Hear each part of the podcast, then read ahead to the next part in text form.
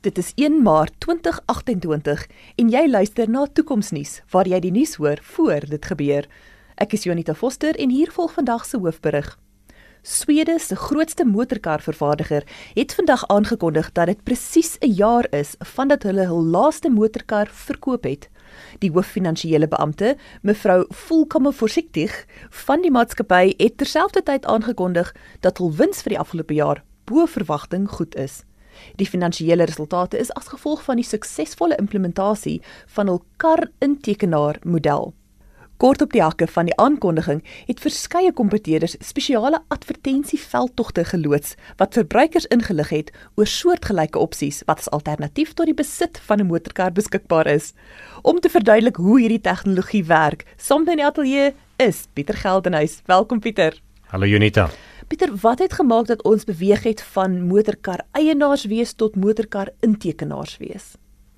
Unita sedert 2007 was sekere dinge net duurder as normaalweg. Mense kon dit nie bekostig nie en daar het 'n nuwe model ingetree wat tot nou toe, 2-3 dekades later, 'n groot impak gehad het op ons samelewing.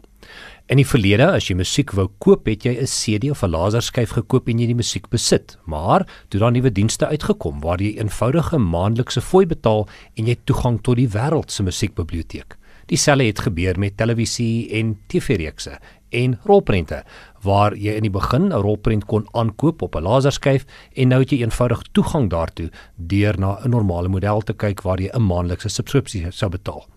Hier in die laat uh, 2010s het ons selfoonmaatskappye gekry wat gesê het hier is 'n foon, jy betaal 'n maandelikse fooi en elke jaar word die handstuk vervang deurdat jy net 'n maandelikse fooi betaal vir die spesifieke model handstuk. So verskeie produkte uh elektronika sowel as digitale produkte is alreeds op hierdie model beskikbaar gestel.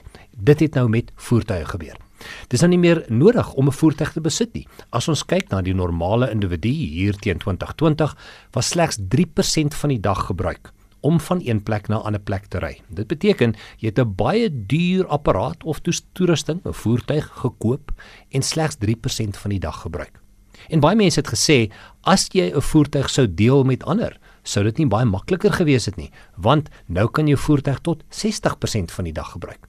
Nou 'n paar van hierdie intekende modelle het die een waar jy die voertuig besit, maar kan besluit watter ander persone dit kan rondry van punt A na B. Ander modelle gee slegs vir jou toegang tot 'n sekere voertuig wanneer jy dit nodig het. En dit is wat hierdie intekenmodelle natuurlik baie suksesvol gemaak het binne in die spesifieke land, Swede, waarna jy verwys het. En watter impak het hierdie skuif van besit eh, besittings um, en eienaarskap tot intekenaarskap op die res van die samelewing gehad? Dit maak die samelewing baie meer effektief. Want jy kan sien dat daar net soos wat jy in publieke vervoerstelsels dwars oor die wêreld het, is daar verskeie tipe tariewe.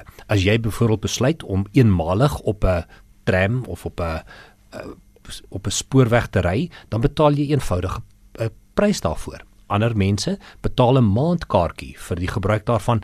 Ander betaal weer goedkoper as hulle buite drukure sou ry. En presies dieselfde modelle het nou binne in die voertuigomgewing ontstaan.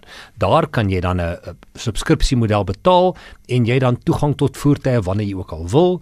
Ander persone wat nie so wel af is nie, kan dan ook toegang tot hierdie handelaarsnetwerk kry en voertuie kry, maar dan gebruik hulle die voertuie op tye wanneer dit nie druk is nie, wanneer hulle nie in spitstyd op en af ry nie. So ons kan sien dat presies dieselfde wat gebeur het in ander besigheidsmodelle nou van toepassing gemaak is op voertuie, veral nou dat voertuie hulle self kan bestuur. Dankie Pieter. In 'n relevante aankondiging het die nasionale verkeersdepartement laat weet dat die afname in onpadwaardige voertuie en aanvaarding van selfbestuur motorkarre hulle genootsaak het om die helfte van verkeersbeamptes af te lê.